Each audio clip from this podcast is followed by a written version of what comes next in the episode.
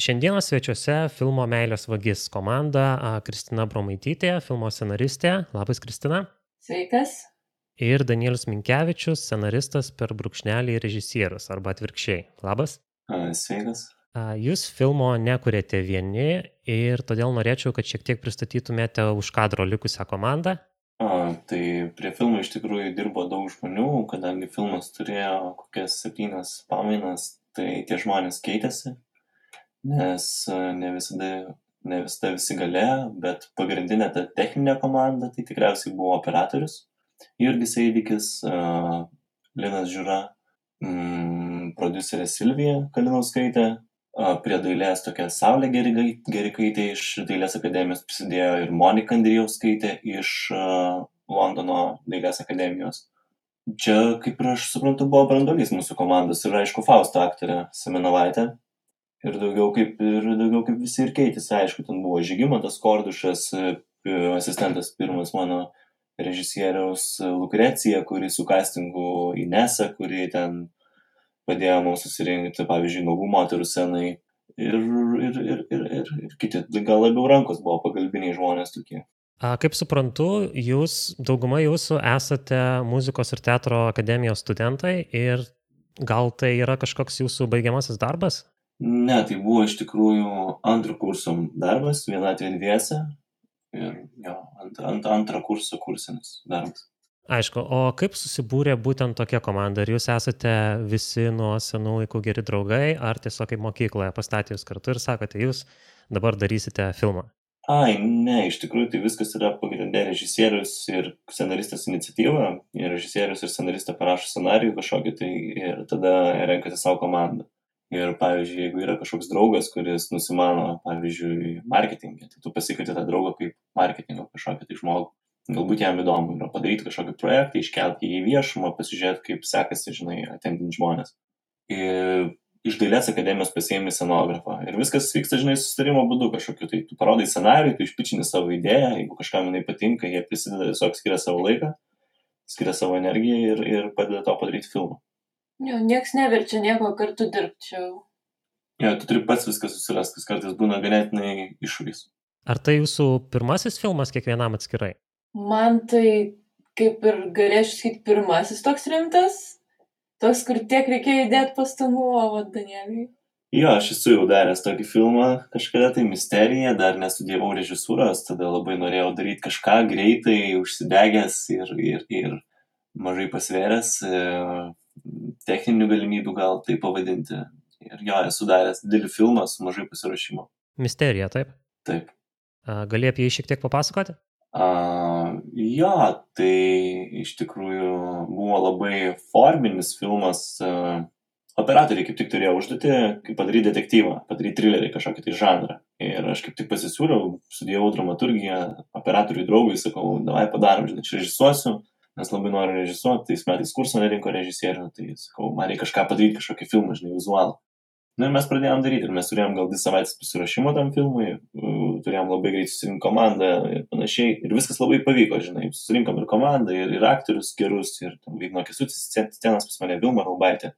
Ir profesionali komanda padėjo, tokie kaip operatoriai Audrius Zelenis su Steadicam. Nu, žodžiu, viskas gavosi gerai, pigiai tiesiog kad to laiko gal, žinai, labai trūko, naktis e, buvo trumpa ir grinai trūko patirties, žinai, tinkamai, tinkamai pasiruošti ir nufilmuoti tą filmą. O jeigu pats filmas apie ką, tai jisai gal iš tikrųjų apie um, žmonių uh, žiūrovų uh, ir menininko santykių. Tai prasme, kaip kuriejas uh, kuria, pavyzdžiui, iš destrukcijos kažkokios, tai ir kaip žiūrovas po to žiūri į tą meno kūrinį ir tiesiog vertina tai, kas yra mm, sukurta, bet ne tai, kas, uh, ne taip, kaip jis buvo sukurtas, žinai, tik tai vertina rezultatą to kūrinio, o pačio proceso nevertina. Ir aš stengiuosi užfiksuoti kažkokį tai procesą keistą labai ir uh, įforminti, nu, žodžiu, tą patį filmą padaryti kaip meno kūrinį procese.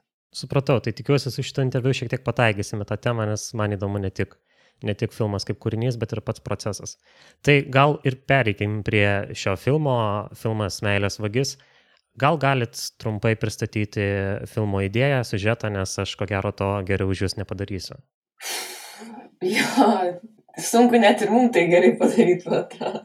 E, nu, filmo idėja iš tikrųjų buvo iliuzijos, kurių tu žmogui negali su, sužlugdyti, ta prasme, nes jis bus miręs kažkaip viduje, gal labiau tiesiog tas iliuzijos visą laiką mus veda kažkur draivina, į priekį mes iliuzijom gyvenam ir pasisučia skirtingos. Tai šiuo atveju pas mus yra mergaitė, kuri išgyvena savo pirmąją meilę įsibraudama pas berniukų į namus, nes jinai negali jam pasakyti tiesiog tiesiai šviesiai iš tave myliu parašyti jam meilės laiškelį ir jinai kitaip, jinai liečia jo daiktus, gulyja lovoje, vaikšto po jo namus. Uh, tai va toks jos santykis yra ir mes norėjom tokį kažkokį tai padaryti jos, uh, uh, jos portretą, tos mergaitės. Man labai įdomu, kodėl būtent tokia tema yra ir kodėl filmo pagrindinė veikėja yra paauglė. Ar jūs bandote į savo pačių paauglystę taip žiūrėti jau šiek tiek saugusio žmogaus akimis ir ją kažkaip vertinti per šitą prizmę? Aš nemanau, kad čia vien tik nesmė, kad jinai yra paauglė, visą laiką yra tos iliuzijos ir, ir tai nėra dalykas, kuris po to praeina. Žmonės visada jomis gyvena ir jos ne, jų niekada neatsikrato. Vienas vienom atsikrato, ateina kitos. Tai kažkaip, nežinau, ir, ir, ir tas, kad e, paauglė mergaitė yra šitą veikėją pagrindinę, tai nu, mhm. kažką teko gal iš savo paauglystės įdėti. Hmm, tai yra Man. aplinkybė iš tiesų labiau, gal paauglystėje labiau visi tie mm, hormonai ir būtent apie meilę kalbant, jeigu įdedant šitą aplinkybę į, į visą filmo temą, tai aš manau labai tinkama, tinkamas amžius yra paauglystė. Ir mes tai esam pragyvenę jau patys, tai mes nusimanom, kas yra paauglystė, mes tai patyrę esam ir rašyti apie, nežinau, vidutinio amžiaus krizę būtų ganėtinai sunku, nes mes tai galėtume, aišku, perskaityti kažkokį Čechovo pjesę ar kažkur tai maždaug įsivaizduoti iš savo tėvų, bet vis tiek patys to nebūtume išgyvenę, neturėtume tos materijos, nebent kažką sulyginti. Įsivaizduoti labiau, o čia gali mm, ir iš savo patirčių kažką parašyti, žinoma, tai taip scenarijai rašomi. Ir tas ir jaučiasi po to filme tikriausiai, dažnu atveju. Ar manot, kad filmas dėl to, kad iliuzijos yra kiekvieno žmogaus tiesiog gyvenimo dalis, ar manote, kad filmas bus aktualus bet kokio amžiaus žmogui, bet kokios lyties, tarkime, ar yra kažkokia tikslinė auditorija visgi?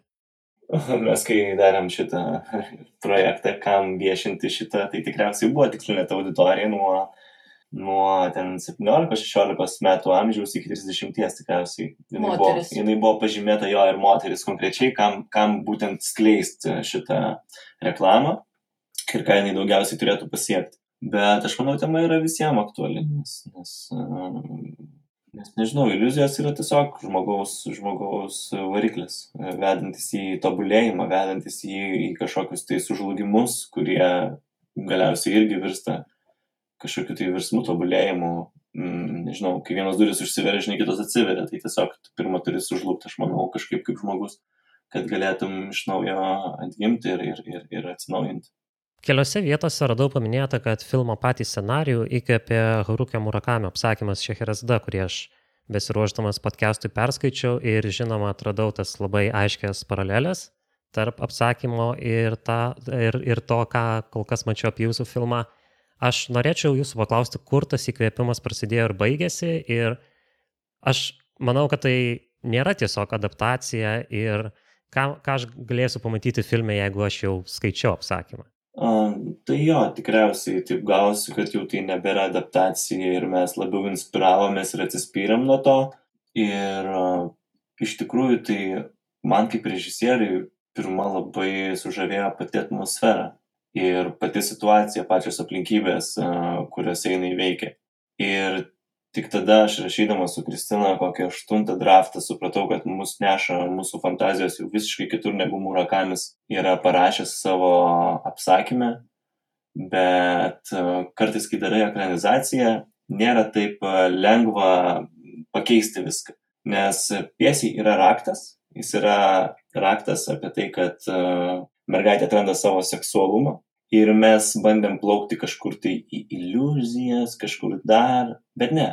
Yra apie seksualumą pats kūrinys ir viskas. Ir ta prasme, net aš filmuodamas, prisigalvojęs kažkokių dalykų, aš atrandu tą raktą, kurį buvo parašęs pats Murakamis ir aš negaliu nesilaikyti jo. Nes tai yra būtent tai, ką jis norėjo pasakyti ir labai sunku nuo jo nušokti. Kai tik tu nušoki nuo jo, iš karto eina į lankas kažkur tai ir tą reikia suprasti. Kartais tu bandai nueiti kažkur tai, kur tu labiau nori pavaldyti, bet žinai, kiek realizuoji kūrinį, geriau laikytis to, ką autorius uh, užkodavo jame ir uh, nesistengti nuo jo atitolti. Perskaityti tai aišku, tą kodą irgi Jo. ne visada lengva. Kodą perskaityti labai sunku yra iš tikrųjų, nes mes kiekvienas įsivaizduojam, bet iš tikrųjų suprast, ką autorius, ypač toks autorius kaip Murakamis, kuris e, labai į magišką realizmą e, linkęs yra, tai tikrai yra sunku, ką jis iš tikrųjų norėjo pasakyti. Ok. Noriu šiek tiek pakalbėti apie tą marketingo pusę, apie visą filmo viešinimą. Aš iš tikrųjų atradau filmą per Facebooką, bet galbūt filmą viešinote dar kažkur ir, kaip sakėt, bandėt būtent taikyti į moterų auditoriją, tai papasakokite, kaip jūs bandote, ką jūs darote, kad šis filmas pasiektų jūsų tą tikslinę auditoriją. Tai pagrindinis kanalas tai iš tikrųjų buvo Facebookas ir, ir sakyčiau, jisai labiausiai gerai, kad mes tik juo ir jį koncentravomės, nes kažkaip jeigu būtų daug kažkokių kanalų, aš net iš tikrųjų negalėčiau įsivaizduoti, kokie galėtų būti. E, tai jeigu jų būtų daugiau, tai būtų buvę sunkiau suvaldyti juos. Mes grinai vat ant puslapio kūrimo, ant komunikacijos aktyvios koncentravomės ir aš manau, kad čia yra labai pavykus mums kaip pirmam kartui dalis. Ta komunikacija, kaip supratau, buvo tokia gana organiška per draugus, per draugų draugus ir taip toliau. Mhm. Taip.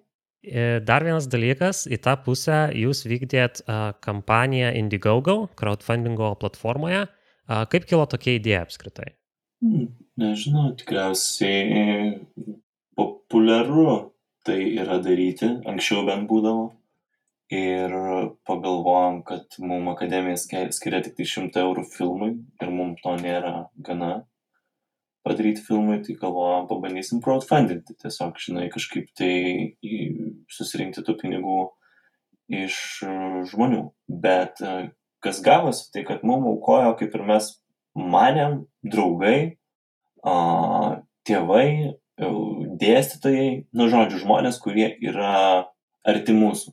Nei vieno žmogaus tikriausiai nepasiekė šita kompanija toliau mūsų rato. Kas yra, nu, nežinau, nei blogai, nei gerai, aišku, fainai, kai žmonės palaiko tave artimi ir, ir, ir tu pasakai jiem, kad vat, aš darau filmą, žinai, galit mane paremti ir jie tave paremė, suprantate. Bet kita vertus, mes labiau iš tikrųjų pačioj pradžioj norėjom, kad mums aukotų žinai, žmonės tiesiog iš aplinkos kažkokios, tai bendros aplinkos, kuriem būtų įdomu to, tos temos. Ir bandėm išsigryninti temas kažkokias, tai bandėm išsigryninti uh, tikslią auditoriją, bet vis tiek aukoja tik tais uh, toj platformai mums artimi žmonės. Nu Jo, čia yra sunkus dalykas to uh, Indiegogo iš tikrųjų, nes kiek mes domėjomės su producerė Silvija, tai iš tikrųjų yra tokia tendencija, kad meninius projektus e, remia pažįstami, artimos aplinkos žmonės. Ten, kad iš kitos šalies kažkas, tai ne, nebūna taip labai retai. Mes galvojam, žinai, kažkaip išsikelsim su tais uh, artimos aplinkos žmonėm, ten 100-200 eurų ir mes buvom net pa- pakilę ten į trečią vietą, vos ne mūsų šortą rodė, žinai, visi jau galėjo matyti ten įeini tiesiog Indiegogo ir mūsų šortas pirmas, pirmos eilės stovi. Ir tada atsiranda tendencija, kad tavo aukos jau ir kiti žmonės, bet negavom jokių aukų iš užsienio šalių. Ar nusivylėt tuo rezultatu, ar manat, kad kampanija yra nepavykus, nes buvot užsibrėžę tokį gana kuklų tikslą 800 eurų, surinkote arti pusės jo tik. Mes, manau, nenusivylę šito tikrai. Žinai, labai malonu, kai tave palaiko artimiausi žmonės, kai tau atsiunčia pinigų, žinai, tu jų tikrai neprašai ir nekauliai, bet jie tau patys įmeta tos pinigus ir ten tu žinai, kad žmogus yra koks nors studentas ir tikrai tų pinigų labai daug neturi, bet vis tiek jisai skiria savo palaikymą tau, kad ir ten 5-10 eurų. Ir nežinau, mes buvom labai patenkinti tuo ir tikrai nuostabus jausmas yra, kai tave žmonės palaiko, tau tiesiog tiki tavimi ir, ir, ir, ir, ir padeda tau padaryti tavo tikslus, pas- pasiekti tavo tikslų. Ne tik savęs žiūri, žinai, ne tik uh, savo kieme, o ir, ir, ir draugą palaiko. Supratau. Iš tikrųjų, man buvo lengvas šokas, kai paminėjai, kad akademija skiria tik 100 eurų, kažkaip sunku, sunku, sunku suprasti, kaip galima sutilpti į tiek, statant kažkokį filmą, kuris turėtų atrodyti profesionaliai, bet aš mačiau, kad jūs buvote susiradę ir rėmėjų bent jau kelias kompanijos, kurių dabar neatsimenu, gal jūs galėtumėte paminėti. Tai visų pirma, aš norėjau pasakyti, kad akademija skiria dar ir nuolaidas kino kamerom, kino šviesom, žodžiu, visai kino įrangai, tai 80 procentų, be to 100 eurų. Tai irgi tu gali išsinuomoti brangią kino techniką už a, nedidelę sumą, kas irgi yra gerai. Ir taip pat akademija turi savo šviesas, kurias tu gali naudoti tiek yra, kiek pamainų tau skirta. Tai ganėtinai palengvina filmo gamybos procesą.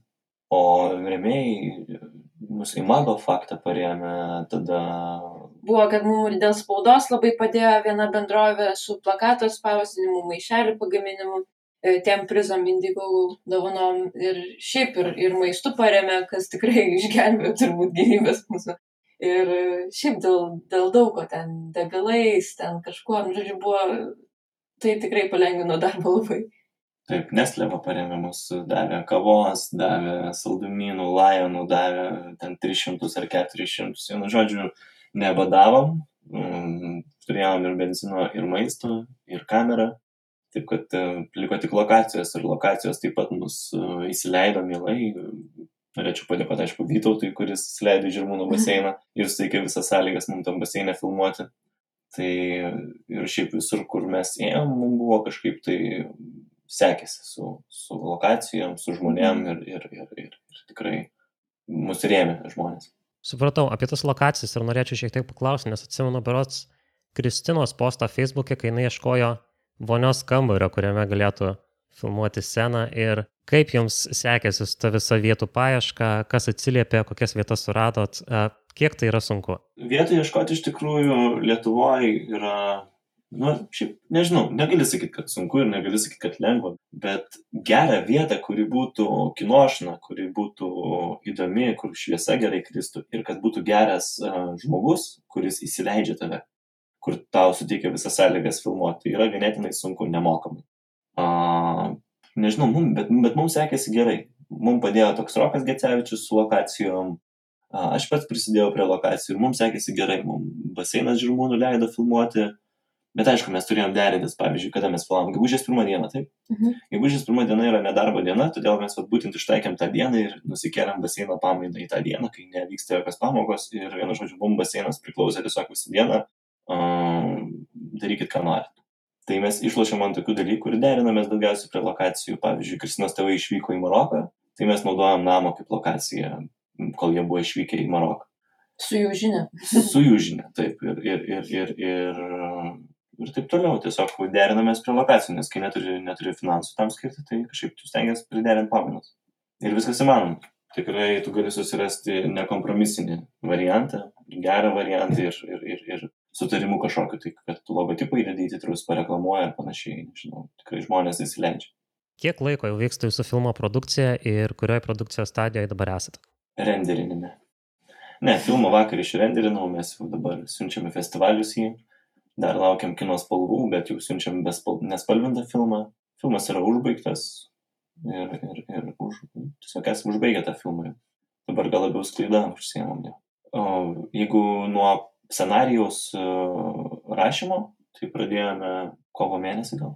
Nu, anksčiau. Nu, kažkur tai. Filmuot pradėjom ruoštis jau kovo mėnesį, scenarijų rašyti, sakyčiau, metai prieš. Ne, mes nu. rudenį nerašėm, tikrai, mes rašėm po naujų metų, man atrodo. Nu, taip. Nu, man atrodo, tai kažkaip. Tai pagal Danielių pusę metų, geras pusmetis, pagal Kristiną pusantrų metų. Metai, sakyčiau. nu, gal aš, aš laikė nelabai orientuojas iš tikrųjų. Supratau. Paminėjot filmo spalvinimą ir aš apie tokią produkcijos dalį, apie tokias pareigas kaip spalvintojas, koloristas aš sužinau prieš, nežinau, galbūt tik keletą metų. Kodėl ta dalis yra tokia svarbi, ar, ar tikrai to reikia tokiam, sakykime, indie filmui ir apskritai ką tai duoda filmui, jūsų nuomonė? Spalvas daug duoda, jos duoda, visų pirma, tikriausiai, jeigu domėjai, tai jos duoda nuotaiką filmui. Uh, yra šaltas koloritas, yra šiltas koloritas ir, ir čia yra pagrindiniai atramos taškai, kokią tu nuotaiką pieši ir jinai, viena iš dalių istorijai papasakoti yra spalvos taip kaip scenarius, taip kaip garsas, taip ir spalvos. Kine yra, yra istorijos komponentas, tam tikrą prasme emocijai sukurti. Kiek mačiau teaserius, jūs taikote į tą šaltąjį koloritą. Taip. Ir, ir, ir nėra variacijų filmo eigoje, tarkime, kai vis tiek keičiasi nuotaika, keičiasi galbūt lokacijos. O, ne, iš tikrųjų mes uh, turėjom idėją, kad tas berniukas yra pedantas, kad tas berniukas yra labai tobulas, ir mes viską sužinom apie jį, mes jo filme realiai net nematom, mes matom tiesiog jo aplinką, jo stalą, jo lovą. Ir mes norėjom, kad tai būtų šaltas, sterilu ir, ir, ir, ir tokia šaltoka aplinka ir mums tai pavyko, manau. Mm, kad būtų toks ne, nejaukumo jausmas. taip, tai ir prisidėjo prie tos spalvos, aišku. Danieliau, tu esi režisierius ir man iki šiol, iki 23 metų vis dar nėra aišku iki galo, ką veikia režisierius, nes su visom kitom roliam, aš suprantu, ką daro scenaristas, aš suprantu, ką daro operatorius, o į režisierius darbą aš žiūriu taip gana abstrakčiai, jis, jis yra toks vadas lyg kažkuria prasme, bet kaip ir nesuprantu tos, tos kasdienės jo veiklos. Ar, ar galėtum ją apibūdinti man kažkaip? Režisierius ragauja iš tikrųjų. Aš manau, režisierius yra šefas, kuris ragauja ir žino, koks turi būti patiekalas. Ir manau, leidžia kiekvienam talentui pasireikšti, bet neleidžia jam nuklysti ir moko juos. Tam tikrą prasme. Režisierius atiduoda savo sielą aktoriui, E, įkvepia aktorių, išsiaiškina su juo medžiagą, apie ką filmas, kokia emocija, neleidžia jam nukrypti, prižiūri aktorių, gaidina, veda per filmą. Režisierius iš tikrųjų jisai nusimano kiekvienoj srity. Man atrodo, geras režisierius turi tiek scenarijų nusimanyti, tiek šviesoje, tiek, tiek bendram, tiek lokacijose. Ir nežinau, leidžia kiekvienam pasireikšti tikriausiai, bet uh, laikosi filmo struktūros, konteksto, formos. Jisai vienintelis turi viziją ir tą viziją bando perteikti kitiems žmonėms, kurie dirba kartu su režisieriumi, kad visi matytų tą patį filmą, jeigu tai yra, ten, tarkim, siaubo filmas, kad niekas nepradėtų paišyti romantinės kažkokios tai dramos ar kažko, tai yra siaubo filmas ir viskas, tai negali nukrypti nuo tikslo, tai turėtų būti būtent išgrinintai siaubo filmas. Ir jeigu kiekvienas darytų atskirai filmą be režisieriaus, tai filmas ir gautas, kiekvienas darytų savo filmą. Tai režisierius tas asmo, kuris sujungia bendrą idėją ir veda tą laivą, žinau, vairuoja ir, ir, ir atveda jį į finalinį tašką, kažkur tai išsilaipina. Tu esi kredituojamas tokia dviguba rolė, esi režisierius ir scenaristas. Kaip čia taip nutiko? Ar čia yra kažkoks nepasitikėjimas Kristinos jėgom, ar čia yra kaip tik pagalba jai, nes tiesiog, tiesiog reikia daugiau rankų prie scenarijos? Ne, tai dažniausiai Lietuvoje taip ir yra, kad režisierius būna scenaristas, e, e, režisierius ir pats rašo scenarijų dažniausiai. Kristina, aš pasitikiu, tiesiog, tiesiog kartais rašai scenarijų ir tu tariesi ir tu net nebežinai, kur kieno mintis yra ir kur kieno idėjas. Tu kalbėsi apie personažą, tu vedi kažkokią tai dialogą, diskusiją, tada rašai skirtingus draftus, juos sujungi vėl, mm, pykstėsi, nežinau, kritikuoji viens kitą ir kažkaip tada išgauni išgauni tą rezultatą. Nežinau, tiesiog bet toks procesas priimtinas yra, kad režisierius dirba su scenariste, bet režisierius irgi rašo kartu. Kiekvienas šiaip e, skirtingai, skirtingą modelį savo susikūrė. Pavyzdžiui, mums šiuo atveju, kadangi mes turim panašų stilių, panašų pajūtimą, tai mes toliau nueinam kartu dirbdami ne kad, negu kad po vieną. Jo, ir mes, mes mėgstam šiaip rašyti atskirai, žinai, aš rašau tą pačią sceną ir Kristina rašo tą pačią sceną. Ir dabar žiūrim, opa, nu čia, va, čia sutapo tas ta mintis, čia ne, čia ką, žiūrim, aiškinamės, kodėl nesutapo. Kartais vargina, žinai, mes vis dabar naujas technikas bandom, ar dabar rašo Kristina pilną metrą savo atskirai, aš rašau ekranizaciją atskirai ir po to bandysim susijungti kažkaip pasikalbėti apie tai. Visai, visai po tada rašėm, vat, būtent sėdom, sėdom kartu po sceną ir gliaudėm. Supratau, tiesiog natūraliai gaunasi tokia kolaboracija prie to skripto, taip? Taip. Mhm. Kaip apskritai komandoje vyksta tas grįžtamasis ryšys? Kaip sakė, režisierius yra tokia galva, bet ar gali aktorius kritikuoti režisierių sprendimus ir filmuojant sceną ateiti ir pasakyti, ne, čia, čia yra nesąmonė ir aš visai nepritariu tam, ką darom dabar? Aš manau, geras aktorius visada turėtų režisieriui pasakyti, jis nekelt scenos turėtų, jis turėtų nueiti ir pasikalbėti su režisierium apie tai, bet aš manau, visi šitie dalykai jau yra išsiaiškinti repeticijų metu ir prieš filmavimą aikštelį. Ir dažniausiai koks nors nelabai, mažiau patyręs aktorius jis tau niekada nepasakys, kad čia blogai, čia šūdas nedarom, aš nesifilmuosiu. O labiau patyrę aktoriai jie jau supranta, ką daro ir, ir jeigu, aišku, jeigu jie parodo pasitikėjimą režisieriumi ir uh, tas režisierius, kuris nėra patyręs, mažiau patyręs už juos ir jie vis tiek nerodo savo viršenybės, jie parodo taip pagarbą jam, pasitikėjimą ir tai gal ugdo kažkokį stipresnį ryšį vėliau tarp. Supratau, tai žodžiu, komandoje esate tokie gana lygiaverčiai nariai, ta prasme, kad kiekvienas galite vienas kitą kritikuoti, nes visų bendras tikslas visgi yra kuo geresnį filmą padaryti. Žinoma, ir aš manau, labai aktorius gali įnešti daug į filmą. Kartais daugiau negu režisierius ir kartais režisierius yra tiesiog sprendimas paleisti aktorių ir leisti jam skleistis Kartais ne, nes kartais filmas tiesiog tampa apie tą aktorių, o ne apie tai, ką apie tai, ką norėjo režisierius pasakyti ir ne apie tai, koks filmas turėtų būti, tada režisierius įsikiša ir, ir kreipia truputį kitą kelią tą aktorių. Yra šiaip labai skirtingų aktorių, vieni labai dominuoja, labai kuria įvairiausius, to prasme, variacijas ir, ir, ir, ir kitas ateina labai jau su konkrečia idėja, darsme, jau žino, ką vaidina ir daugiau nieko nebando, kad jam kažkokios konkrečios užduotis yra ir jis jas atlieka. Tiesiog žmonės, visi skirtingi ir aikšteliai, tai iš vis kiekvienas yra menininkas ir, ir, ir, ir kartais ganėtinai sunku režisieriui tą suvaldyti. Ar jums filmą yra tiek pat smagu kurti, kaip gerą filmą žiūrėti, ar netgi smagiau? Nes aš kartais pastebiu tokių žmonių, kurie, pavyzdžiui, kokią aš pavyzdį galėčiau pateikti, tarkime, žaidžia žaidimus kompiuterinius ir jiems labai patinka žaisti ir sugalvoja žmogus, aš būsiu žaidimų kuriejų. Ir tada, kai bando įeiti į tą industriją, jisai pastebi, kad visai ne tas pats yra būti toj kuriejų roliai ir, ir visai netiek smagu yra. Aš manau, nekalbėsiu gal už mus kartu, bet man tai smagiau kurti yra negu, negu žiūrėti. Ir Kristinai, manau. Man kažkaip irgi norėjau tą pasakyti, nes kažkaip kartais uh, žiūrėti filmą aš jaučiuosi pavargus dienos, nežinau, ne visada būna tas noras. O ten rašyti scenarijų, kažką ruoštis, tai kiekvieną dieną. Jo, mes gal tokie, nežinau, aš tai darboholikas, manau, esu, aš gaunu kamerą kokį rankas dar ką nors, man kraujas į smegenį suteka, daug aktyvesnis pasidarau, nežinau, su žmonėm geriau bendraujasi, diena gražesnė. Supratau. Ar yra kažkokių kino magijos paslapčių, sakykime, kurių paprasti žmonės nežino ir net nepagalvoja, kas vyksta kažkur aikštelėje ir, tarkim, filme atrodo visai kitaip. Pavyzdys galėtų būti, kad aš buvau turbūt paauglys, kai aš sužinojau ir labai nustebau, kad dažniausiai scenos nėra filmuojamos iš eilės, kas kaip ir atrodo dabar logiška dėl lokacijų ir viso kito, bet iki kokių 15 metų aš tiesiog turėjau tokią, turėjau tokią prielaidą, kad viskas filmuojama iš eilės, nes man tai atrodė logiška, nes vėliau lengviau sudėti. Ar yra kažkokių panašių dalykų, kurių žmonės dažniausiai nežino? Daug.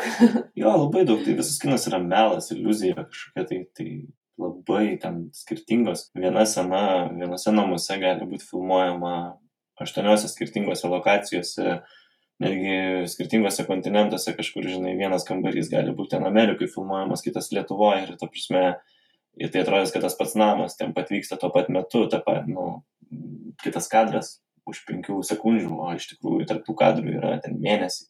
Nu jo, dailė, man atrodo, didžiausia melą sukuria šitam kine, kai...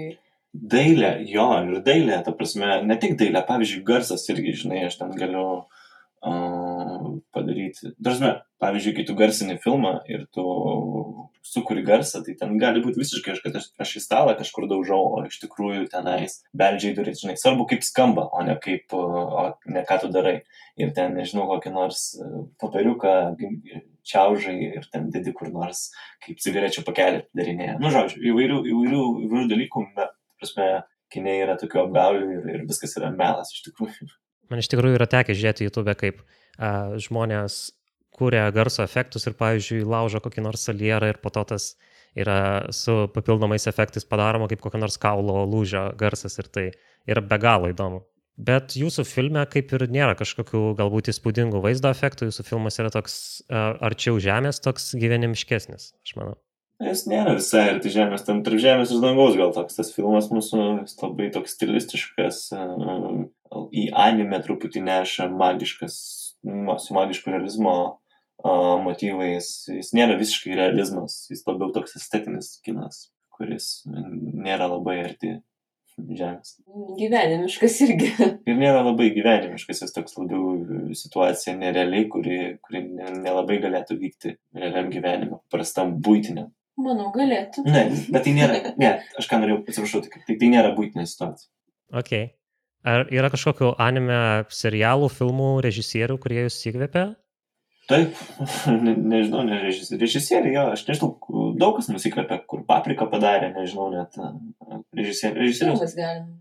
Filmais tai galima vardinti ir vardinti, tiesiog, nežinau, mūsų anime labai įkvėpė, mes žiūrim, kiek įmanoma jo. Ir... Išvardinkit šiek tiek, kodėl ne? The Wind Rises, Taip, man atrodo, vadinasi filmas. Žinau, tu, tu, tu prasme, tie klasikiniai daug kas tikriausiai yra matęs juos. Spirited Away, Paprika, tokie va, tai jau klasikiniai. Serialai, Naruto kažkada žiūrėdavau. Norit pasakyti, jūsų filmą įkvėpė Naruto? Kažkuria prasme? Ne, bet man Naruto yra labai daug gražių dalykų, kurie man kiekvieną dieną įkvėpia mane. Aišku. Um, jūs minėjot kažką apie lietuvišką kiną apskritai kaip industriją. Ar jūs uh, bandot būti jos kažkokia dalimi ir tęsti kažkokias geras jos tradicijas, jei tokių yra, ar jūs bandot kaip tik būti maištininkai ir padaryti kažkokį perversmą ir daryti kitokį kiną? Na, aš tai gal mes bandom maištininkai būti, manau. Tai jau tikrai, kad. ja, mes maištininkai. Labiau už maištininkas būtume. Nes yra ir negerų dalykų, ne visai gerų dalykų. Na, apie negerus dalykus nekalbėsim, nes Tai- darbo negausim ir kas nors čia klausys. bet, bet maištauti irgi reikia suprasti. Gal niekas asmeniškai neįsižeistų, galima be konkrečių pavyzdžių, bet kažkokias detalės, kurios jūs tiesiog užknisa lietuviškose filmuose. Ai, Tai lietuviškose filmuose gal dėl to, kad labai čia buvo bandoma kursyti lietuviškumą, tikriausiai iš valstybės buvo užsakyta tai, kad, žinai, lietuviški filmai ir panašiai.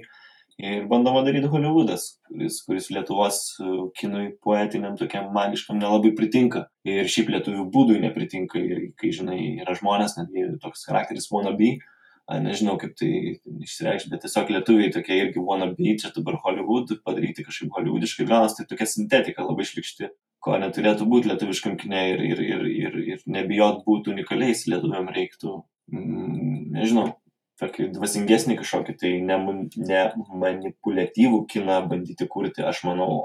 Ir tai, tai ateis, tai ateis, tikrai ateis tarp žmonės. Bent mano kolegos, su kuriais aš studijuoju, apie tai kalbam ir, ir tikrai kažkada vėl keisis, grįšim, grįšim prie poetikos kažkokios, tai prie lietų kadrų ir nebebijosim jų. Išsiugdysim tą, žinai, kompleksą, nes liet, lietai nėra blogai, aš manau. Supratau. Tai judant visai jau prie pabaigos, sakėt, kad filmą jau dabar siunčiat į festivalius kažkur, gal galit paminėti, kur tikitės, kad bus galima pamatyti jūsų filmą greitų metų. Labai sunku, iš tikrųjų, mūsų filmas tai nėra gal pats geriausias filmas ir iš vis festivalinis, žinai. Aš dabar supratau padarę šitą filmą. Labai svarbu išsiriškinti, kam tu darai filmą. Žinai, mes gal filmą darėm savo šitą iš tikrųjų labiau negu, negu kad patekti festivalius ir jiem pataikauti, kažkokią savo žalę šviesą duoti, kas nėra praktiška. Bet išsiuntėme kino pavasarį, dabar lauksim atsakymų. Ai, dar-. Bet ne, dar, dar ten ne, ne, ne, nepaskelbė jie, man atrodo, Mhm. konkurso. Uh, išsiuntėm į Triestą Film Festival į Italiją. Žodžiu, kažkur tai siunčiam, žinai, kur, kur, kur ten pamatom. Deadline'us esam susirašę ir, ir, ir, ir, ir bandysim. Į Prahą dar Į siunčiam. Prahos šortus nusiuntėm jau. Šiandien ten. Okay, tai buvo labai smagu išgirsti apie filmą iš visų pusių, iš techninės pusės, iš idėjinės pusės. Paskutinis dalykas, a, norėčiau, kad pasakytumėt klausytojams, kur jūs galima sekti, kad jie pirmi sužinotų, kai jau filmas bus didžiajame ekrane. Tai facebook.com slash meilės vagis. Supratau. Tai ačiū labai. Ačiū tau.